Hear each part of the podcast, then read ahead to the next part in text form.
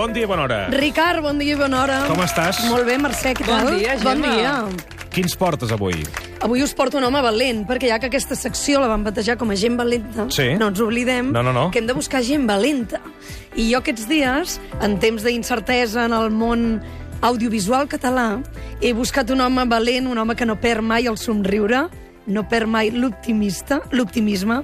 És un periodista que fa anys va inventar una manera de fer televisió aquí a Catalunya i es diu Francesc Escribano, encara que els amics li diuen, no li diem Paco. Sí, sí, tothom, Paco Escribano, bon tothom dia. diu Paco. bon Qui dia. va batejar Hola, com a Paco. Paco? No, ma mare, clar, ma mare, que és la que... Com que jo, la meva, la meva família ve de la Manxa, doncs parlava...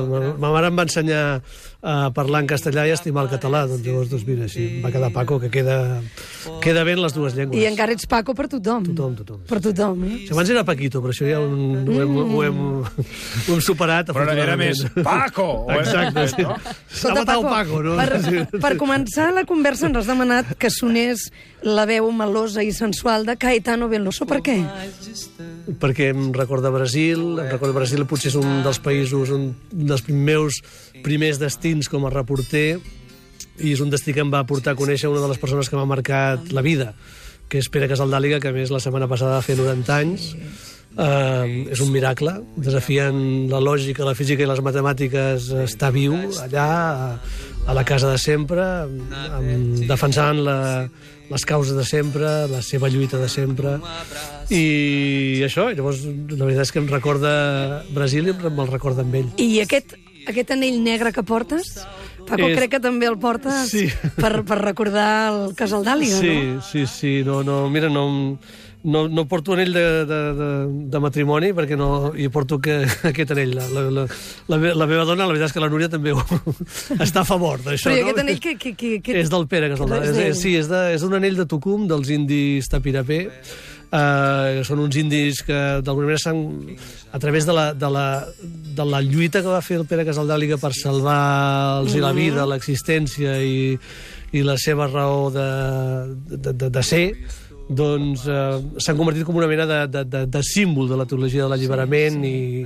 i, i de record de les causes de la gent que lluita doncs, per la causa indígena, per la causa dels, de la gent pobra de l'Amèrica Llatina. Sí, Doncs és, una, és una cosa que molt- molt- molta gent porta, la porta, el, la porta molta gent a Amèrica. Hem, hem de recordar que no només vas conèixer el Pere Casaldàliga, sinó que va ser el seu biògraf Sí. oficial, eh? Sí, perquè la veritat és que la primera vegada que vaig anar, i me'l vaig trobar allà... Eh, Tu hi vas anar a fer un 30 minuts. Vaig anar a fer 30 minuts i anava a buscar un bisbe que en aquell moment el coneixia molt poca gent, però que estava com amenaçat i, i, i que l'havien intentat matar moltes vegades i que era una persona que era el terror de la dictadura militar i dels terratinents de la regió i jo pensava que em trobaria allà una figura molt potent em vaig trobar un, un home, molt poca cosa, vestit com un camperol, que més anava pràcticament descalç, perquè allà tothom va descalç, i amb una terra vermella, que és la terra d'aquella regió. Llavors vaig, vaig, vaig decebre, la veritat, vaig dir, "Home, aquest no és el, el gran personatge que m'esperava. I de seguida, la que vaig anar caminant amb ell, a la que vaig anar descobrint, vaig veure una, perso una persona d'una integritat eh, absoluta, d'una coherència extrema, d'una radicalitat eh, sorprenent, perquè moltes vegades l'Església estem acostumats a que van a prendre el cafè als rics i després ajuden els pobres, i ell no, ell era radical a tots els extrems. Llavors la veritat és que em vaig donar que, que aquell home no era poca cosa, sinó que era, era, una, era una figura enorme. Sí, sí, sí. Aquesta és la gran lliçó que vas aprendre, que has après d'ell, del casal d'Àliga? Sí, la, mira, la gran lliçó que vaig aprendre és la, la, la importància de tenir causes i de lluitar per elles. Una de les coses que em va marcar, i l'altre dia ho recordava, és que quan ell es trobava algú, no li deia bon dia, li deia com va la lluita. I la lluita? Com va la lluita? Era la seva manera de, de parlar amb la gent. I la lluita? Jo en aquell moment, que venia del primer món i tot això, pensava, ostres, això és... Hòstia, per una banda dius, està bé, i per l'altra banda em sonava llunyà, no? Mm -hmm. Aquí, doncs, Paco, és obligat que ara, últimament, ara he pensat que aquí, pensant el moment que estem Clar, a Catalunya, va? això de la, de la lluita Sí. potser Com va, de... com va la lluita, Paco? Sí, sí, com, com va, va res, eh? com va la teva lluita? Pues, uh, lluitant, hem de fer-ho. Lluitant molt, hem, de no? tenir, hem de tenir causes per les que lluitar. Lluitant molt. I, si no- Jo deia abans, en temps d'incerteses, perquè la, la, la imatge que a nosaltres ens arriba és que el món audiovisual català està passant per un moment dolent, preocupant, eh, que pot portar-lo doncs, fins i tot a desaparèixer. Això t'ho vaig sentir dir jo un dia sí. abans dels Premis Gaudí. Sí. Vas dir, qui sap si és l'última gala que podrem celebrar? Com estem, Paco? Com ens va la lluita? Doncs, eh, doncs estem malament, però si lluitem suposo que estarem bé, no? És a dir, que si lluitem és perquè estem vius, i si, i si estem vius és perquè tenim fe i tenim confiança en les nostres capacitats. Jo crec que és increïble la potència, la qualitat de la indústria audiovisual catalana, de tot el que ha fet en cinema, en televisió, en ràdio. Aquest, aquest programa és un exemple, però si mires TV3 o si mires sí. també totes les produccions i tot el talent que ha sortit eh, de l'audiovisual català i que està doncs, tant eh, en les emissores i en les eh, cadenes catalanes com les cadenes de, eh, d'Espanya de, de, de, d'Espanya i d'altres mm -hmm. llocs més enllà de les nostres fronteres. No? I aleshores això, evidentment, ara estem en un moment crític, un moment crític perquè realment la manera com la gent consumeix la televisió i, i les pantalles en aquests moments ha canviat moltes coses, perquè el sistema que teníem de finançament tradicional mm. doncs s'ha atrontollat, perquè la crisi ha fet que els poders públics puguin posar menys diners, i a més a més perquè en aquests moments també estem en un moment i en un país on hi ha gent que no li agraden determinades coses i que utilitza tota la seva força perquè aquestes coses no es facin, no? I una d'aquestes coses és la realitat de la- de l'audiovisual català en aquests moments i sobretot del que és TV3, del que, del que fa TV3, del que fa Catalunya Ràdio, i això suposo que hi ha molta gent que li molesta i hi ha diferents maneres d'intentar impedir-ho. I sigui això que hi ha una maniobra, passant, una maniobra orquestrada o pensada per acabar. Bueno, jo no sé si hi ha amb- maniobra, amb hi ha moltes petites... No sé si hi ha una gran maniobra, hi ha petites maniobres que totes van a fer sí. la punyeta, no? I evidentment una de- Sí. d'aquestes és el, el que, això que se'n parla tant del d'aquest impost de, del, aquest impost de l'IVA que... Sí, aquest nou mètode de càlcul de l'IVA, Sí, és un nou mètode que tu m'ho vas explicar l'altre dia en un Sí. dinar, m'ho vas explicar en dinant. Sí, és veritat. Et vaig entendre a mitges. Bueno, és que jo vaig dir, expliqueu-m'ho, perquè era molt difícil d'entendre, com si Sí. fos un nen de 8 anys, no? Sí. I m'ho van explicar com si fos un nen de 8 anys, però jo sóc incapaç d'explicar-ho més enllà d'un nen de 4 anys. Per tant, per tant crec que no m'ho facis explicar. Sí que sé, sí que sé dir-te que és dir que és un, un nou càlcul de l'IVA que aplica que s'aplica a les subvencions i que s'aplica al criteri dels mitjans, com és Catalunya Ràdio, com és Televisió Catalunya, com altres mitjans, que, re, que, que, que els, els seus fons d'ingressos és la publicitat i les subvencions públiques o les ajudes Mhm. públiques, com totes les televisions públiques, i aleshores això, mm, la llei no estava clara i llavors l'han interpretat d'una determinada manera que, evidentment, doncs, perjudica el statu quo i com s'han fet les que no només, fins ara. que no només afecta, no només afecta TV3. Sí, però especialment. Especialment? Sí, sí, perquè a més a més en aquests moments a, a Catalunya no hi ha un govern mm. eh, i, i, i evidentment amb altres, suposo que amb altres televisions autonòmiques que també afecta, doncs les circumstàncies són diferents al que passa a Catalunya. Amb altres eh, no hi ha la situació que estem vivint a Catalunya doncs, eh, per una banda pel govern, però també doncs, amb, de, de, de pressió per, un determinada, per una determinada gent, per una determinada Sí, manera sí, de sí, fer les sí. coses que el que estem aquí vivint en aquest país en aquests, en aquests moments. I en aquesta pressió ara el, el que passa és que no podem fer autocrítica, no? Um, jo crec que si no fem autocrítica, jo crec que sí que podem fer autocrítica. Per què no podem? Per què no podem fer No, ho dic perquè ara, és a dir, si tu ara fas una defensa... Ara toca defensar els mitjans públics, diguem-ne. Sí. Per tant, si tu fas una crítica a aquests mitjans públics, sembla que et posis o És que t'alinis a carregar-te tot això. És, és veritat, és veritat, és veritat. Sí, sí, jo crec que... Jo crec que, que uh, sí, jo, jo crec que a mi m'agradaria ser més autocrítica del, i, i que féssim més autocrítica, és veritat. És veritat, i que no... I, però probablement quan tens un atac tan frontal com el que estem... o, o un atac tan frontal o, o una situació tan extrema en la que estem vivint, en la que, en la que estem intentant eh, nedar per no ofegar-nos, no? És a dir, és molt difícil i, i estàs allò eh, eh, intentant salvar els mobles, és molt difícil fer autocrítica en aquestes circumstàncies. Però, evidentment, l'única cosa que ens farà forts és l'autocrítica. L'única cosa que ens farà millors és l'autocrítica. I en aquest sector més encara.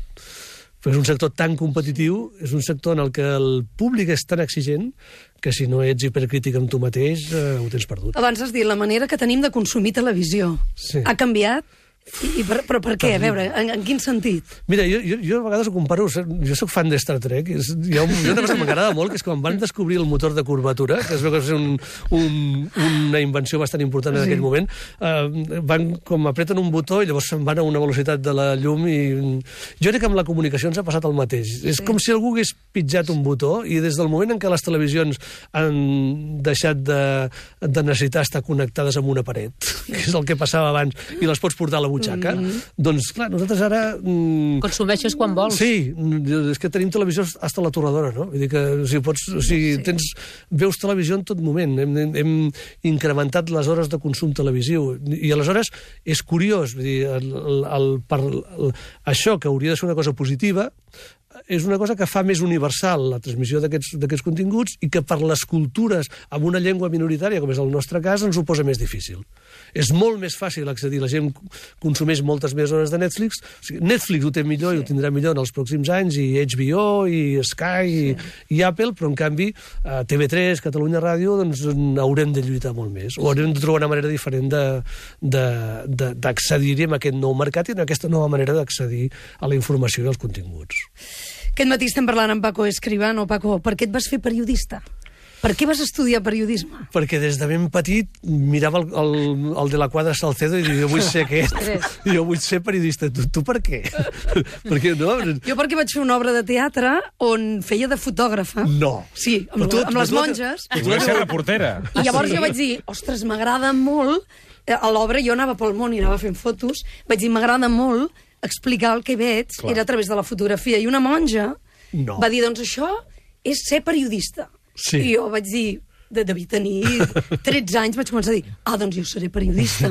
Si això és ser periodista, anar pel món i explicar què passa, jo seré periodista. Doncs a mi em va passar... I tu, el de la quadra Salcedo? Sí, no, jo volia, volia ser... M'agradava escriure, volia ser... I llavors el primer dia que vaig arribar a la Facultat de Ciències de la Informació eh, allà a Bellaterra i vaig veure el que vas, era... La primera vegada que vas arribar al bar de la facultat... No, el bar, no sé si va ser el bar o que sí, el vaig que dir, sí. vaig dir, home, jo això no vull ser. No sé si això és periodista. No, jo, I llavors vaig de- descobrir que la meva passió era l'antropologia i llavors volia ser antropòleg. I, vaig, Sí. I la veritat és que no mai hauria dit que m'hauria dedicat al periodisme perquè i ara vaig estàs- descobrir que no era la meva professió quan estava allà. Sí. I ara estàs de director d'una productora important com Minoria Absoluta i, i produint, pensant, creant programes. Sí, que és, que és la part més bonica i divertida Sí. d'aquesta d'aquesta professió. La veritat és que en tenim molta sort. Eh, és veritat que tot i que em vaig decebre quan vaig anar a la universitat, la veritat és que després eh, no, no, no sé, no, suposo que és una cosa que comparteixo amb vosaltres, amb, que, Sí. que, que, que realment és una de les professions més fantàstiques, perquè et permet estar en primera línia dels fets i molt al costat de la gent. I això, mm, hi ha poques professions que et permetin eh, això i que, i que et donguin aquest privilegi. Per satisfar més això o ser director de TV3? Molt més això. Mm. Director de TV3 és una etapa que jo crec que a vegades penso que no sé si és que va ser allò que... Jo vaig començar a la tele al 30 minuts i, mm. i vaig anar pujant en aquella casa fins a arribar al límit de la meva incompetència que va ser com a director. No sé això, això no sé, si- a vegades no sé si ho puc dir en públic o si en. Està molt bé, perquè realment és, és una és fantàstic. Estàs o sigui, al davant de TV3 o aquí a Catalunya Ràdio tens, eh, són unes empreses amb uns professionals, amb una gent que treballa, per, perquè a vegades pensem, parlem dels professionals de TV3 com si fossin la gent que, que treballa la... No, no, és la gent que treballa en les productores, que fa gran aquesta, Sí, sí. aquesta marca, no? I llavors és es- sentir-te que tu estàs allà al capdavant representant a tots aquests és una cosa molt... Eh, és fantàstic. Però també és veritat que és, és un, hi ha molta pressió. TV3 en aquest país és gairebé un canal eh, únic, no? És a dir, és a dir, i llavors t'ho demanen tot, des de el president del govern fins al, a la colla sardanista Violetes del Bosc. És a dir, tots eh, consideren que... Que I a és més amb raó. Que Però, seva. però més que la que colla més amb sardanista, ens interessa el president Ara. del govern. Demanava moltes coses. Cada quan trucava? Ah, sí? I jo no he Que la colla sardanista no ens interessa tant.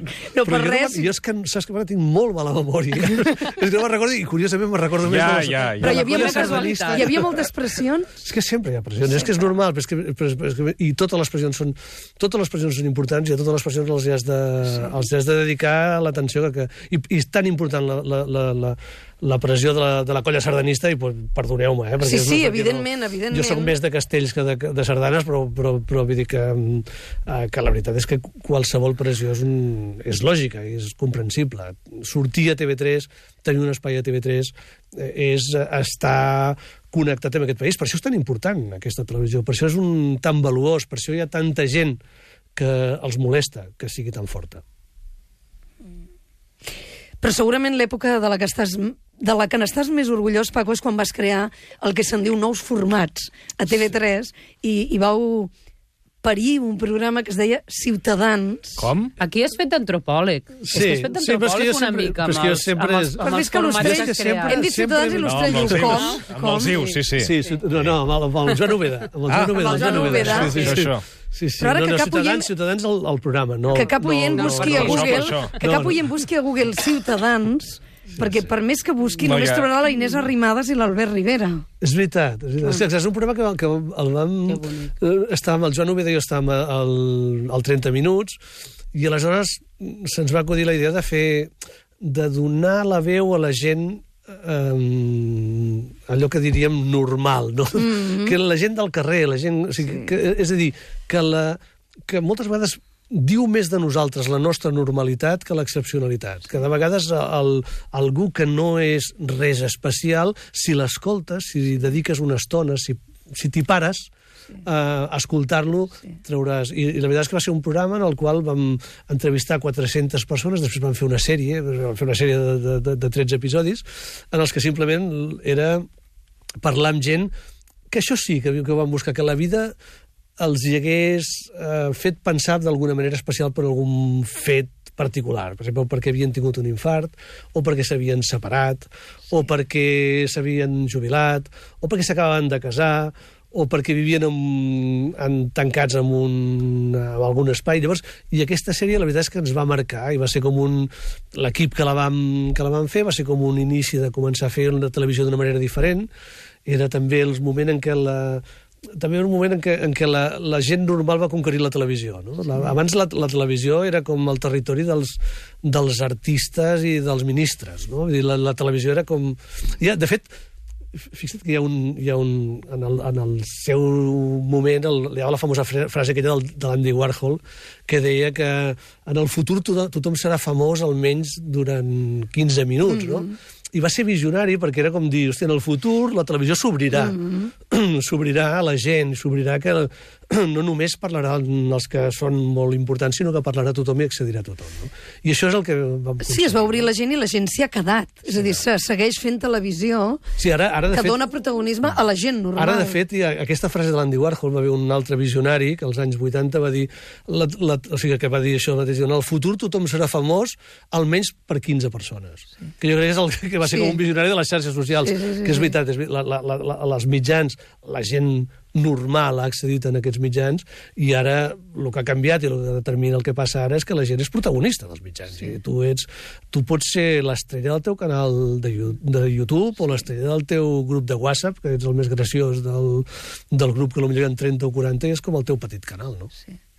Eh, Paco, l'altre dia vam saber que el programa El Foraster potser no pot tenir una, una propera temporada per això que dèiem, aquesta crisi, aquests diners que TV3 necessita i que potser els intentarà treure de les productores, que això us afecta directament, és a dir, no encarregar feina a productores, fer-ho tot en producció pròpia de TV3.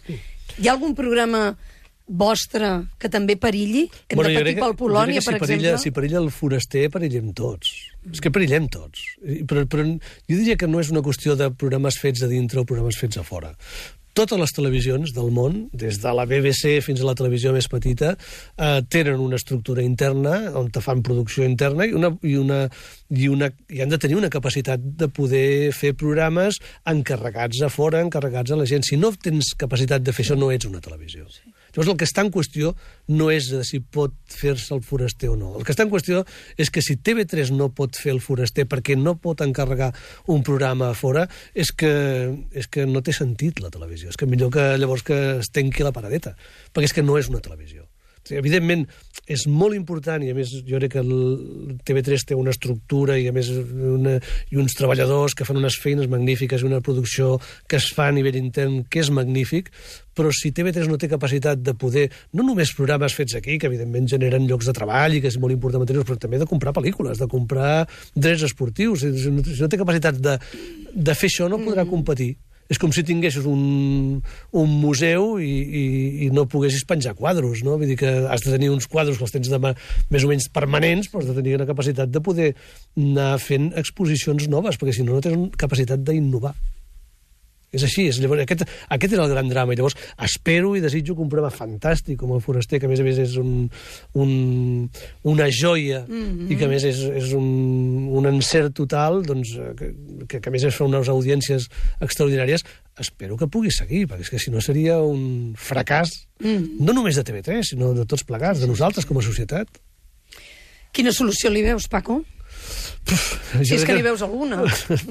No, jo, jo crec que la solució ha de venir per part de tots. O sigui, jo crec que tots hem de, estem en un moment en el que tots haurem d'assumir sacrificis. Evidentment, al- alguns hem hagut d'assumir molts sacrificis i hem hagut de, de, de, de, de fer moltes, molts esforços, i, eh, però també en un, en un moment en què realment hem de valorar mm, que, que si no tenim un sector audiovisual potent eh, en aquest país, doncs no serem un país. És a dir, no, jo no conec cap país que no tingui un sector audiovisual potent. És el que passa, per exemple, a Dinamarca, sobretot quan, quan un país és un país petit, un país amb una llengua minoritària. És el que passa a Dinamarca, és el que passa a Holanda, és el que passa a Israel... És el... O sigui, tots aquests països es caracteritzen perquè realment tenen un, un, aposten de manera estratègica pel sector audiovisual, per la seva televisió, pel seu cinema, perquè és la seva manera d'estar al món, la seva manera de dir aquests som nosaltres. És el que ha passat, per exemple, amb sèries com Pulseres Vermelles, Merlí, Exacte. Pa Negre, no? totes aquestes Que pel·lícules... t'expliquen, clar, Sí, que surten al circuit internacional i et Exacte. situen al mapa. Sí, sí, no, no, i, i, i a més a més amb, amb un... O pel·lícules, no?, com 10.000 quilòmetres, Sí, etc. sí. pel·lícules, però també els, la, la, la, la producció de TV3. La producció ara, feta aquí, sí. La producció feta aquí. Ara, Sí, sí, hi ha una cosa que, que, que em sembla que, que puc donar una primícia, eh, que és que... Alerta.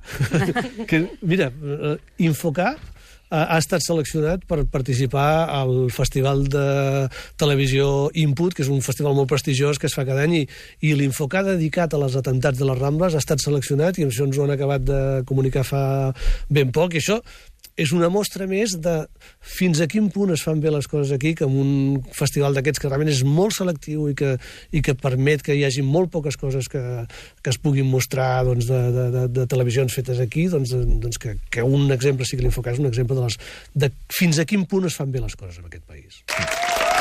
Doncs mira, els aplaudiments Una per, gran notícia. per, Molt la notícia, per per la notícia, exacte. Doncs, uh, sí. sí. Paco Escribano ens has demanat per acabar una altra cançó, en aquest cas és el grup Wilco, One Sunday Morning. Sí. One Sunday morning. Oh, Saps, saps per què? Perquè és una, una cançó... Perquè és dissabte, per això l'has Perquè és demanat. dissabte, perquè és dissabte, perquè dura 12 minuts, i dic, si no se m'acuden coses a dir, doncs així com que és prou llarga, és molt xula. Sí, molt tranquil·la, també. Sí, Eh? sí, sí. sí. I què faràs al cap de setmana, Paco? Ara, ara on vas? Un, un dissabte a aquestes hores, ja quasi les 11 del matí. Doncs mira, hi ha un, hi ha un mira, ara eh, hi ha una, uh, una exposició d'això de les presons aquestes que hi ha a Vilanova, que aniré a veure allà què és el que s'ha fet i que hi ha un, un, un acte que han muntat així diferents col·lectius a Vilanova que aniré a treure el cap a veure què, què és el que fan perquè estan tot el dia fent diferents activitats i demà potser vaig a fer una calçotada que és temps de calçots Està bé. Molt bé. Molt bé. I dilluns tornem-hi, eh? a tope Tornem amb la lluita. home, no la deixem ni dissabte ni diumenge No. Paco Escribano, moltíssimes gràcies per venir avui al suplement. gràcies a vosaltres I a tu també. Gemma. Fins la setmana Molt bé, que ve. fins la setmana que ve. Gemma. Fem una pausa i arriba Lluís Gavaldà. Fins ara.